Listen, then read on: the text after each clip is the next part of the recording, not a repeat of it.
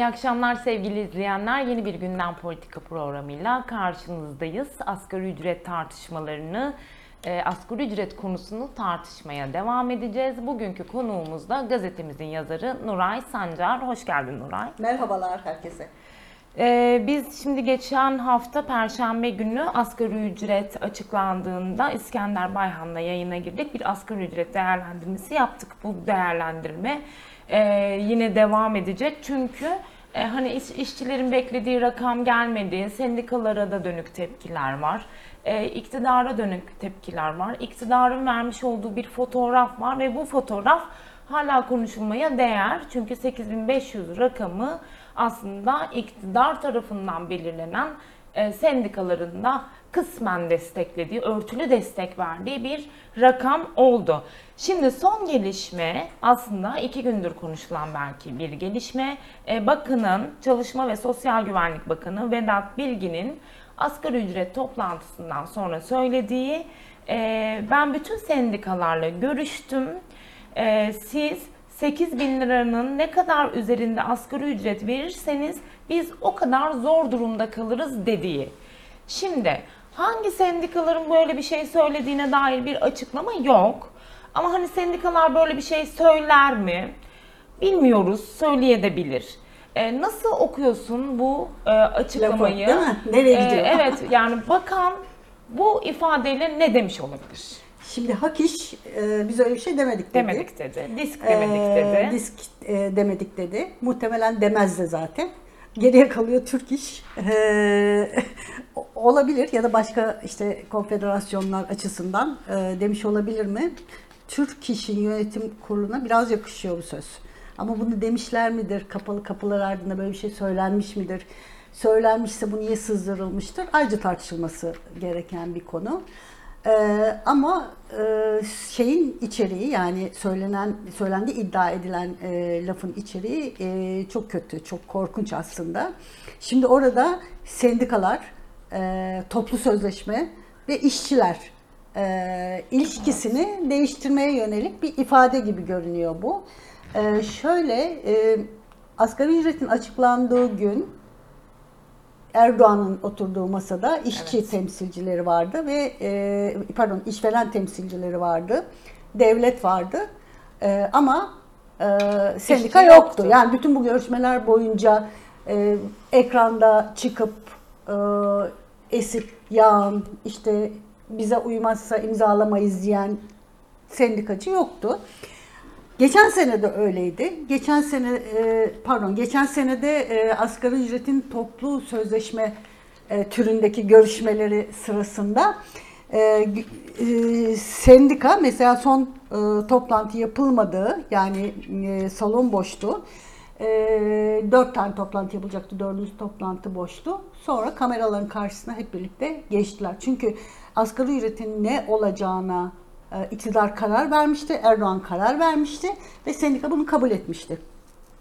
Şimdi e, bu e, dönemde işte dediğim gibi işveren temsilcileri, e, devlet e, işçi temsilcisini bir kenara bırakarak bu asgari ücreti açıkladılar. Dolayısıyla bu iktidarın ve işverenin bir lütfu, onların tanıdığı bir e, şeymiş, miktarmış gibi ortaya çıktı. E, yani çok sıkıştığı zaman sendika orada biz orada yoktuk diyebilme e, durumunu koruyacak. Şimdi orada e, bunun bir danışıklı dövüş mü olduğu yoksa sendikanın mı öyle tercih ettiği ya da iktidarın mı tercih ettiği seçimlere bu kadar yaklaşırken işte bu miktarı e, işte şeyin asgari ücretin e, az buz değil. Hani enflasyonu göz önünde bulundurmazsam 5 bin lira civarındaki bir asgari ücrete 3 bin lira kadar bir zam yapılmış oldu. Ve dolayısıyla seçim öncesinde iktidar biz size iyi bir asgari ücret verdik diyebilme şeyine sahip. Peki bu rakam e, iyi bir e, şey mi? Rakam E, mı? rakam mı? E, iyi bir rakam değil. Burada tabii ki e, biz Zafer Arapgirli'nin duymasını istemiyoruz bu rakam lafını. E, kendisine selam ediyoruz buradan. E, iyi bir miktar değil. E, ama e, işte tabii bu kısa bir dönem diyelim hani işçilerin e, yüzünü güldürebilir. Bir ay bile olmaz. Çünkü bir ay sonra da bir ay sonra ödenmeye başlayacak. Bu süre zarfında enflasyon zaten hani dizginlenememiş e, olduğu koşullarda fiyat artışları devam edecek. Fiyat artışları devam ettiği sürece de bu paranın, bu miktarın bir karşılığı yok. Şimdi bu söylenen sözde şöyle bir şey de var. E, işçilerin, e, sendikalı işçilerin yaptığı toplu sözleşmeleri gereksizleştiren bir laf bu. Neden? Ş- Şunun için e, hani işçiler diyelim e, belirli dönemlerde işte e, iki yıllık sürelerle vesaire birçok iş kolunda Ki e, geliyor da yine toplu sözleşme Hmm, dönemi de toplu- yaklaşıyor. Tabii tabii toplu sözleşme dönemi yaklaşıyor. Toplu sözleşmelerde e, sendikalar az çok işçilerin eğilimini tespit eder ve e, işçilerin bu sürece çok büyük bir denetimi yoktur ama e, bu metal fırtınada olduğu gibi diyelim fiili grevler yapabilirler. Ondan sonra toplu istifalar yapabilirler sendikalarında. Yasal sınırlar içinde yapabildikleri her şeyi o dönem yapmışlardı. Böyle imkanları var işçilerin. Yani bu da toplu sözleşme süreçlerine dahil olan bir şeydir aslında. İşçi beğenmediği sendikadan istifa eder, gider başka bir sendikaya üye olur. Şimdi e, sendikalar bu bakımdan e, işçilere e, şeydirler. E,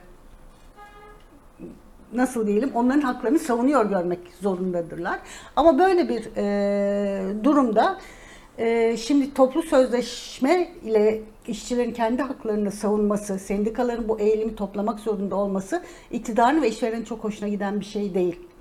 E, çünkü mesela örgütlenme e, şeyleriyle ilgili, hani örgütlenme süreçleriyle ilgili, sendikalaşmayla ilgili işçilerin yaptığı girişimlerin büyük bir çoğunluğu e, şiddetle e, engellenmeye çalışıyor. Birçok işçi, işçi, işver, e, işçi örgütü lideri e, ya da öne çıkan işçiler işten atılıyor vesaire. Ne ne için? Yani işçiler bireysel sözleşme yapabilsin ve herhangi bir sendikayla toplu sözleşme yapamasın diye. Ama buna rağmen toplu sözleşmeler hani to- e, sendikalı işçilerin olduğu yerlerde iki yılda bir vesaire yapılıyor E, ve dolayısıyla işveren e, iş- işçi temsilcileriyle e, masaya oturmak durumunda kalıyor. O bir pazarlık masası. Şimdi bu pazarlık masasını ortadan kaldırmaya yönelik bir söz o. Dolayısıyla e, toplu sözleşmeye ihtiyaç kalmadığı zaman işçinin e, hani mücadele eden sendikalara ya da işverene kafa tutan sendikalara da ihtiyacı kalmayacak. Çünkü işlevi olmayacak o sendikaların. Bu sefer ne olacak? Sendikacı sendikanın başındaki sendika e, yöneticileri iktidarın bir elçisi. Zaten şimdi büyük bir çoğunluğu o durumda. Bu bunun bu tescillenmiş olacak. Dolayısıyla bir şikayet merci, işçi sınıfını şeye bağlayan, iktidara bağlayan bir merci haline gelecek. Dolayısıyla aslında Türk İş e, yönetiminin şu anda girdiği eğilim gibi bir e, hay kanuni ve genelleşmiş bir durum haline alacak. toplu iş sözleşmelerinden bahsederken e, dedin ki işte bu toplu iş sözleşmelerini de etkileyecek bir durum aslında sendikaların bu ta- Evet. tavrı dedin. E, ve e, önümüzde de böyle bir süreç var. Peki etkileyecek ama işçi hani toplu iş sözleşmelerini önemsiz olarak da görmeye başlayacak ama aslında önemli. Peki neden toplu iş sözleşmeleri bugün açısından önemli ve e, iktidar belki de o sözleşmeleri neden hedef alan birkaç kollu bir açıklama dedik ya biz bu e, bakanın açıklamasını bir tanesi de e, toplu sözleşmesini hedef alıyor dedik. Hani e, ilk, bir taşta iki kuş vurmaya çalışan bir iktidar var aslında. E, buradaki sözleşmeye dair e, önemi e, senden alsam olur mu? Şunu düzelterek e, girelim. İşçiler için toplu sözleşme önemsiz değil. Tabii ki E, ben- çok önemli. İşçiler toplu sözleşme Önemsizleştirmeye çalışmak diye düzeltelim. Aynen. Ee, işçi, işçiler toplu sözleşme dönemini büyük bir şeyle beklerler. Çünkü onlar yaşamlarını e, düzeltebilecek bir ücret e, pazarlığı yapacaklardır orada. E, dolayısıyla e, bu süreç hani toplu sözleşme süreci önemlidir işçiler için ama toplu sözleşme sürecini e, tek başına bir e, masadaki anlaşma olarak göremeyiz. E, bunun için yasalarda toplu sözleşmedeki uyuşmazlık durumunda işte yapılacak şeyler bellidir. İşte hakeme gidilir vesaire. Son tahlilde de işçiler greve gider. Şimdi toplu sözleşme sürecini ortadan kaldırdığında bütün bunlar e, bu pazarlık süreci ortadan kalkıyor demektir. Dolayısıyla e, şey e, işçilerin ücretleri işveren tarafından istendiği gibi belirlenebilir. Yani e, öteden beri en büyük hayalleri tek tek işçiyle e, pazarlık yapabilmektir. Bir sınıf olarak değil ya da bir o bölgedeki, o fabrikadaki, o iş konudaki işçilerle bir pazarlık yapmak değil, hepsiyle birden yapmak değil. Sendikalar onun için vardır çünkü. Doğrudan doğruya hani e, bu süreci ortadan kaldırdığında ne olur? Ben seninle e, pazarlık yaparım işveren olarak. Öteki arkadaşınla başka türlü şey yaparım, e, pazarlık yaparım. Dolayısıyla bu işçi için daha ağır e, bir şeydir. Yani patronun gözüne girmek, daha fazla çalışmak, daha çok yıpranmak, daha çok sömürülmek. Peki toplu sözleşme niçin e, önemlidir bir başka yönden? Toplu sözleşme Ya da aslında toplu sözleşmesi olmayan işçiyle olan işçi arasındaki şeyle de beraber işte değerlendirebiliriz e, belki. keyfiyet toplu Evet. sözleşmenin olmadığı bir yerde sendika yok demektir. Kara düzen. Sendik olmadığı zamanda da e, aynen öyle kara düzen vardır. E, iş şey nasıl e, diyelim kayırmacılık ilişkileri olabilir. Ondan sonra dışlayıcı ilişki, mobbing olabilir vesaire. E, hani bir e, işçinin başına gelebilecek her türlü kötülük gelebilir. Yani seni tek başına yakalamıştır şey sistem ve orada ezdikçe ezer, sömürdükçe sömürür ve emeğinin karşılığını alamazsın. Ama benim altını çizmek istediğim başka bir şey var. Toplu sözleşme sadece işçinin maaşını ya da ücretini ilgilendiren bir durum değil.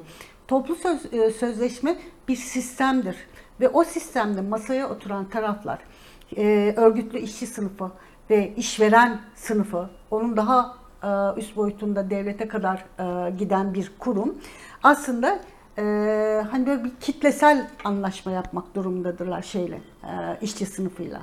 Ve oradan da e, şunu söyleyebiliriz. Yani işçi orada e, şimdi belki sadece ücret düzeyinde bir sözleşme yapılıyor ama vaktiyle toplu sözleşme e, hakkını kazanan işçi sınıfı o masada birçok şey pazarlık yapıyordu. İşte o işçinin bir ailesi vardır. Ailesi için e, bir takım haklar istiyordur. E, yakacak yardım istiyordur. Okul yardım istiyordur. Doğum yardımı veriliyordur vesaire. Bütün bunlar yasal şeylerle genişlemiştir. Yani toplu sözleşme süreci işçi sınıfının bir mücadele ve talep alanıdır. Daha e, büyük boyutta aslında bir demokratik alandır yani. Orası bir meydandır. İşçi sınıfının taleplerini ileri sürdüğü bir e, meydandır. Dolayısıyla e, toplu sözleşme sisteminin ortadan kaldırılması aslında memleketin e, demokratik kolonlarından en önemlisinin ortadan kaldırılması anlamına gelir. Bu yoksa hiçbir şey yoktur zaten. Sen e, şeyle e, devletle ve bu e, kullanılan üretim araçlarının sahibiyle bir pazarlık yapamıyorsan e, o şeyde e, nasıl diyelim kaderine razı olacaksın demektir. Ya da e, işverenin ve devletin keyfiyetine razı olacaksın anlamına gelir. Böyle bir anlam var. Şimdi bunu e, buna dokunmak bakanın yaptığı gibi aslında e, işte belirli bir iş yerindeki e, işçilere ya da asgari ücret alan işçileri ilgilendiren bir şey değil. Çok daha genel bir tablo içinde bir şey var, anlamı var bunun. Buna dikkat etmek gerekir. İkincisi şöyle bir şey var yani asgari ücret e, çok genel bir toplu sözleşmeyle e, yapılıyor gibi görünüyor. Aslında dostlar alışverişte görsün. Türkiye'nin en büyük konfederasyonu temsilcisi işveren ve devlet temsilcileriyle birlikte oturuyor ve belli bir şeye varıyorlar, karara varıyorlar. Ama şu gün baktığınızda e, şöyle bir dengesizlik var. E, Bugün hani sendikalarla işçileri karşı karşıya getiren iktidarın yarın diğer katmanları da mobilize etmeye yönelik ya da onları kışkırtmaya yönelik tutumların olmayacağını söyleyemeyiz. Bugün asgari ücretin 8 bin lira olduğu yerde bir öğretmen maaşının asgari ücretin altında kalması ya da e, başka çalışanlar açısından e, bakıldığında işte kaç yıllık çalışanın da aynı ücreti alıyor olması daha doğrusu asgari ücrete eşitlenmiş bir ücret düzeyinin hakim haline gelmesi tehlikeli bir şey. Bu sefer hani Evet. işçiler bizden da niye daha çok alıyor? İşte ben bilmem kaç yüksek lisans doktora yaptım ben şu kadar alıyorum da işte lise mezunu işçi bu kadar alıyor. Bunları karşı karşıya getirecek bu karşı bir şey. karşıya getirme halini bir e, konuşuruz ama ben hala bir biraz daha Vedat Bilgin'in açıklamaları üzerine yoğunlaşalım istiyorum ama bu söylediğin noktada önemli bence çünkü e, son dönemlerde bu asgari ücret e, tartışması açıklandığından itibaren biraz beyaz yakalıların nabzını yokladığımızda maalesef e, bu durumla çok sık sosyal medyada sen de rastlıyorsundur. Çok sık karşılaşıyoruz. Bunu bir konuşalım. Ama şimdi ben yeniden şu Vedat Bilgin'in açıklamasındaki şuradaki e, noktaya gelmek istiyorum Nuray. Okuyacağım bunu e, yeniden. E, şimdi haliyle ben bütün sendikalarla görüştüm. E, siz 8 bin liranın ne kadar üzerinde asgari ücret verirseniz biz o kadar zor durumda kalırız dedikten sonra e, gelen tabii ki çeşitli rahatsızlıklar oldu. E, bir adım böyle geriye giderek dedi ki e, oradaki derinlemesine araştırmalarda sendikacıların bize aksettikleri konuyu anlattım. E, sendikacılar öyle istedi e, dedim. Ben görmedim. O insanları e, araştırma kapsamında istediler ve e, benimle görüşen sendikacılardan da işte ne Türk İş'ten ne Hak İş'ten ne Disk'ten böyle bir şey gelmedi diye de hemen bir e, geri çevirme hali geldi. E nereden geldi o zaman bu o Şimdi- şey acaba? Evet, belki küçük sendikalardır, belki büyük sendikalar. Biz bu açıklamayı şimdilik doğru kabul edelim. Ki bu olmaya da bilir. Söylediğin belki o hani sendikaları itibarsızlaştırma meselesinden kaynaklı olmaya da bilir. Ama şimdilik doğru kabul edelim. Disk'ten açıklama geldi. Evet. Hak işten geldi. Ama asgari ücret meselesini özne olarak belirleyen ve hani tırnak işareti içerisinde Görüşmelere tepki katılan. gösterdiği için son açıklamaya da katılmayan Türk İş sessiz. Evet. Türk İş'in e, belki bu açıklamaya dair işçilere dair vermiş olduğu sorumluluğa, e, fotoğrafa dair neler söylersin? Ya şimdi tabii hani belki şu anda sessiz belki bir açıklama yapacak bilmiyoruz şeyi. Şimdilik Ee, yetersiz gibi bir bakın- açıklama yaptı ama hani bu açıklama da sanki yeterli değil gibi Evet, hissediyorum ben evet. en azından. Ee, şimdi bir ay sonra yani 30-35 gün sonra e, asgari ücret yürürlüğe girdiğinde bu miktar e, artık e, insanların ihtiyacını karşılayamaz hale e, daha da geldiği zaman çünkü hızla e, fiyatlarda artış var. Ya asgari ücret belirlendikten sonra bir sürü basında fotoğraflar çıktı. Yani a- şeylerin yeniden düzenlendiğine dair etiketlerin yeniden düzenlendiğine göre dair. E tabi bu arada işte marketlerde de bir gözdağı Evet, verildi. verildi. sanki asıl sebep onlarmış gibi. E, neyse yani e, sonuç olarak e, bir ay daha insanları oyalamaya yönelik bir e, şey bu asgari ücret aslında. Bir süre sonra da başka bir şey ortaya çıkacak. Yani bu para artık yetmeyecek. Yetmiyor da zaten Çünkü aslında. zaten biz şimdiden Evet. yılbaşı zamlarını bekliyoruz maalesef. Evet, evet. doğalgazın e, bir takım kullanım e, ve e, işte e, saat değiştirme vesaire gibi şeylerine de yüzde seksene yakın mı ne bildiğim Evet. kadarıyla zam gelmiş. E, yılbaşından itibaren bir sürü şey yine e, adet olduğu üzere bekleniyor. Hatta yılbaşı gecesinden itibaren bekleniyor. E, dolayısıyla e, Türk işin bu konuda ne yapacağı tabii ki e, bir şey merak konusu. Yani önümüzdeki dönem asgari ücretle ilgili nasıl bir e, yılda bir kere artık asgari ücret belirlenmesinin yetmediği bir şeydeyiz. Şimdi bu durumda da e, bütün bu e, zamların durdurulması, asgari ücretin e, enflasyonun e, hani oranına göre tabii bu TÜİK'in belirlediği oranla değil tabii ki gerçek oranına göre e, yükseltilmesi ve e, bir de şu var yani bu aş, bu asgari ücret açlık sınırının e, etrafında dans ediyor. Yani Evet. aş, açlık sınırının e, üstüne bile çıkmış değil. Artı bir de yüzde Düzeyine bile 51 çıkmış değil. Evet. Türkiye'de artık asgari ücret alıyor biliyorsun. Evet. Böyle de bir durum var Evet. yani. Evet, bir de öyle bir durum var. Ee, şimdi bu asgari ücret insanlar ev kirası ve faturalarını bile e, zor karşılar.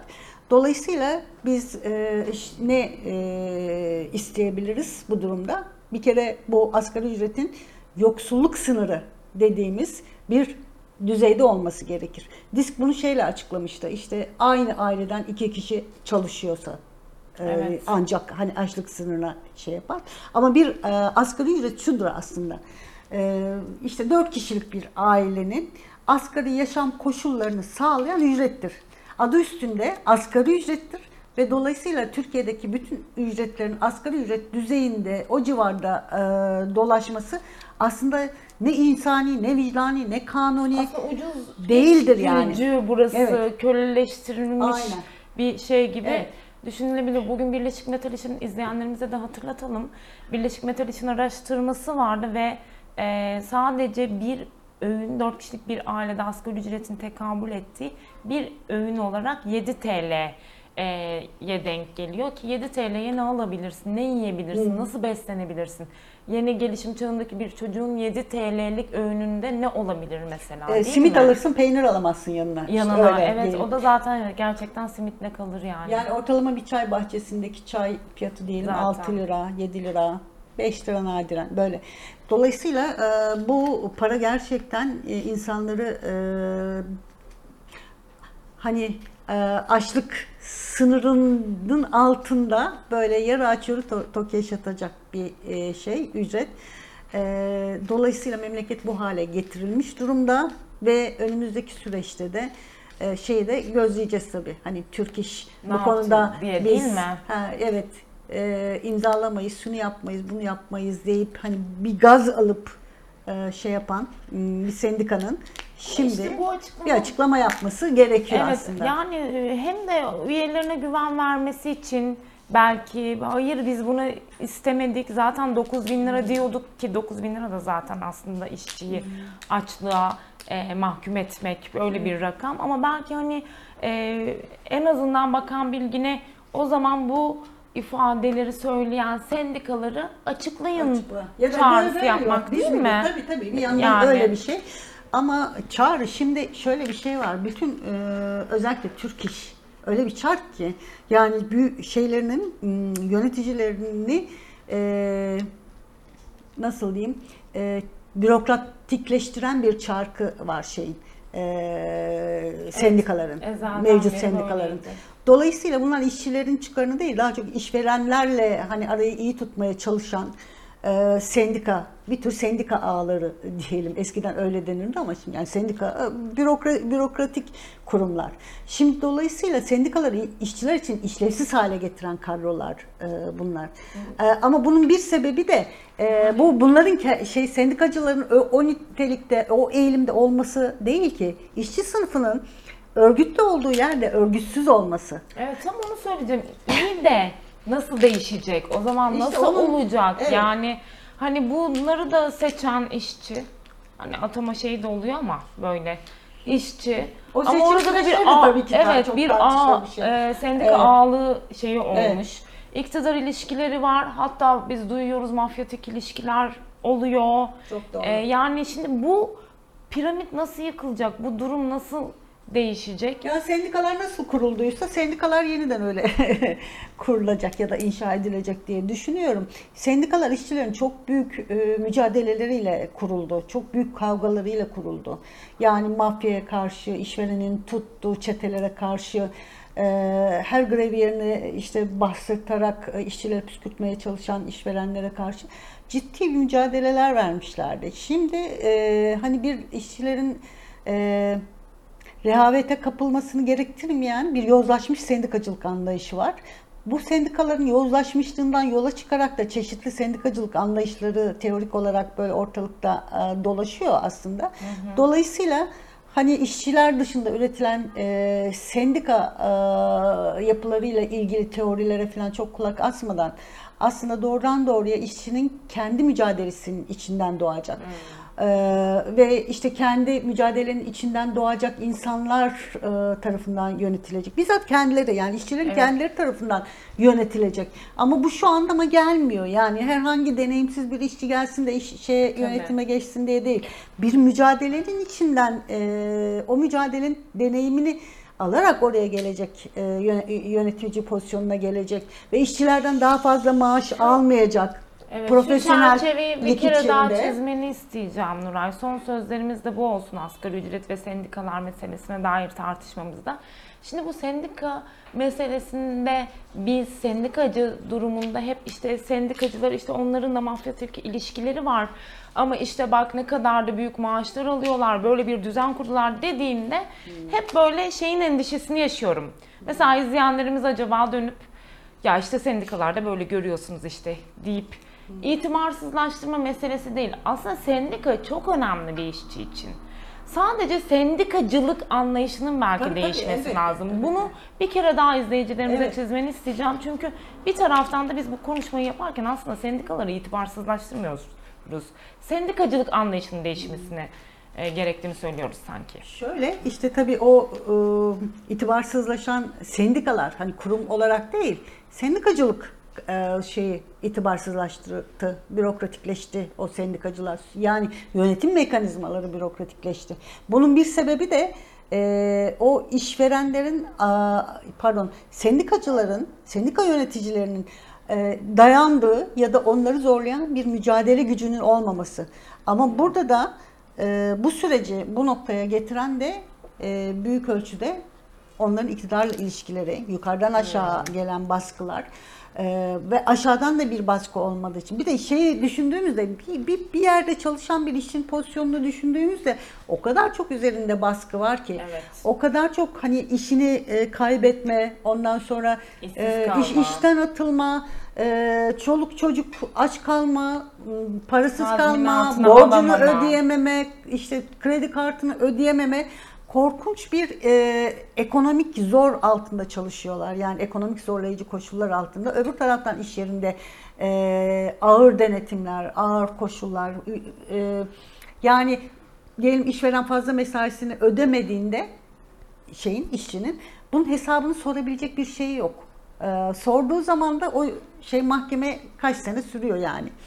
Dolayısıyla e, her şeyin tersine döndü. Yani işin aleyhine döndüğü, hukuktan tutalım da e, günlük e, iş, iş hayatına kadar her şeyin aleyhine döndüğü koşullarda e, işçilerin e, dolayısıyla e, yapabileceği en iyi şey, yapabilecekleri e, en iyi şey onları şey gibi yani gösteriliyor. Yani boyun eğmek gibi gösteriliyor. Başka çareleri yokmuş gibi.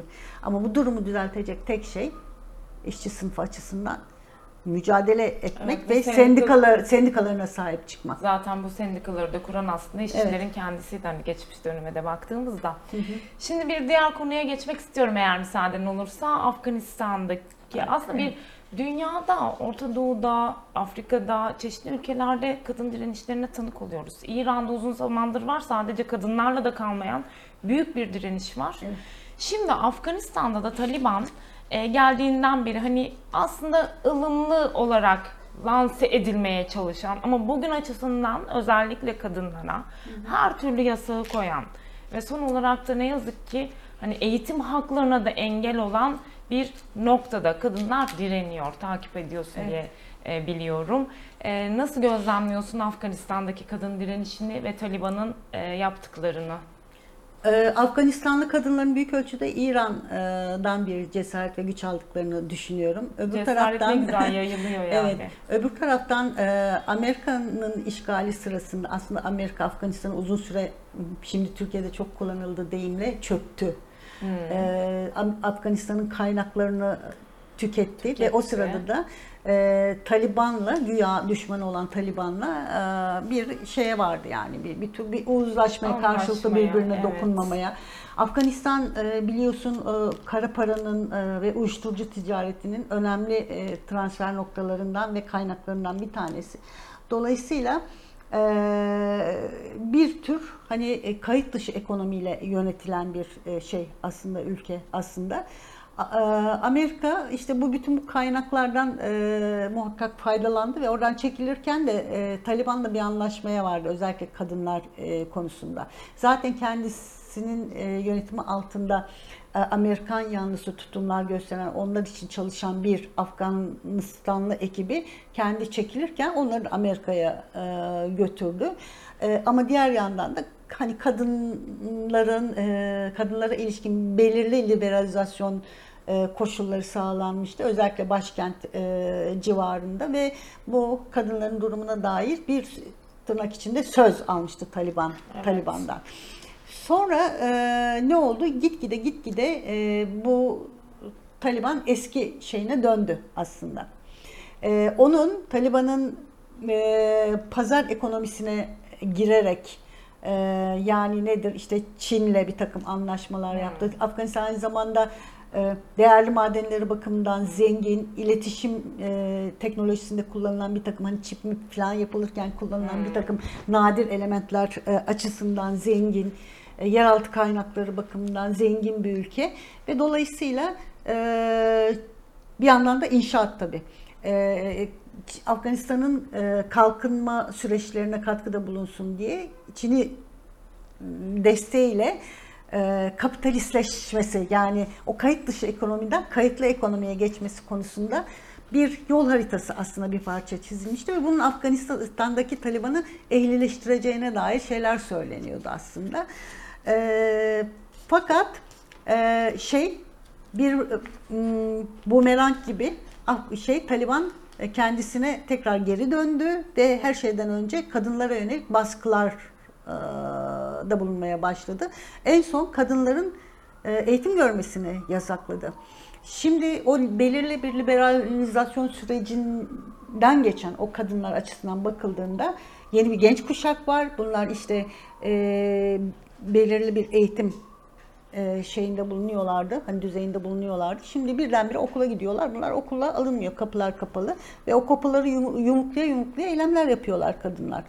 E, Afganistan'dan gelen görüntülere bakıldığında e, eylem yapan kadınların sırtında resmen bir orta çağ gibi kırbaç şaklıyor.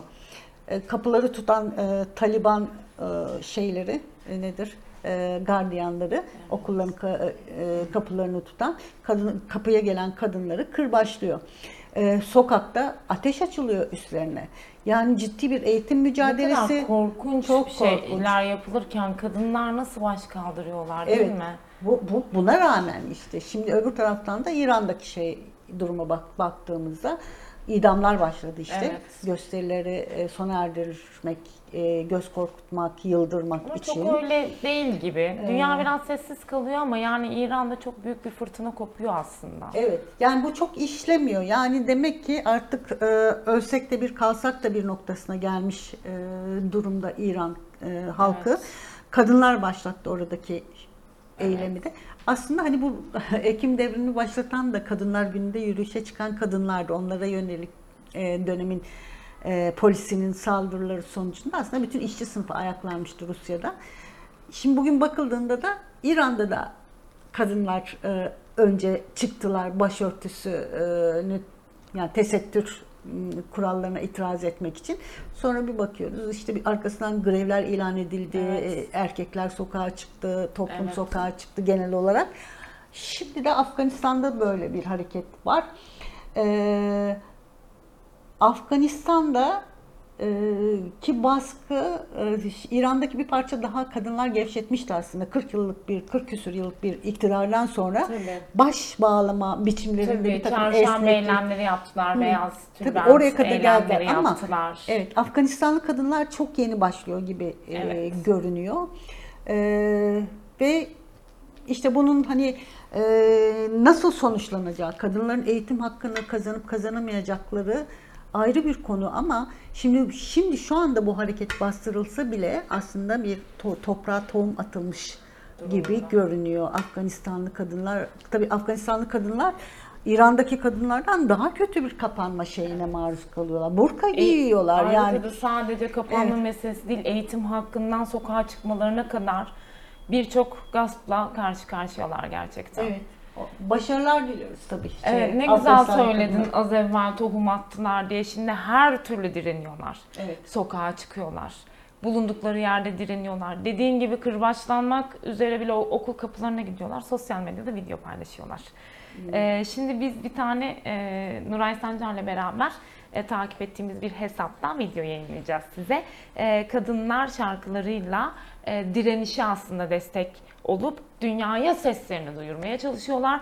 Belki bizde o tohum e, filizlenir ve böyle güzel haberleri konuşuruz. Kadınların direnişini konuşuruz. Evet. Kazanımlarını konuşuruz. 2023 böyle geçer değil mi? evet, evet. Umarız. E, şimdi rejiden arkadaşlarımız onu ekrana getirecek. Biz de veda edeceğiz size.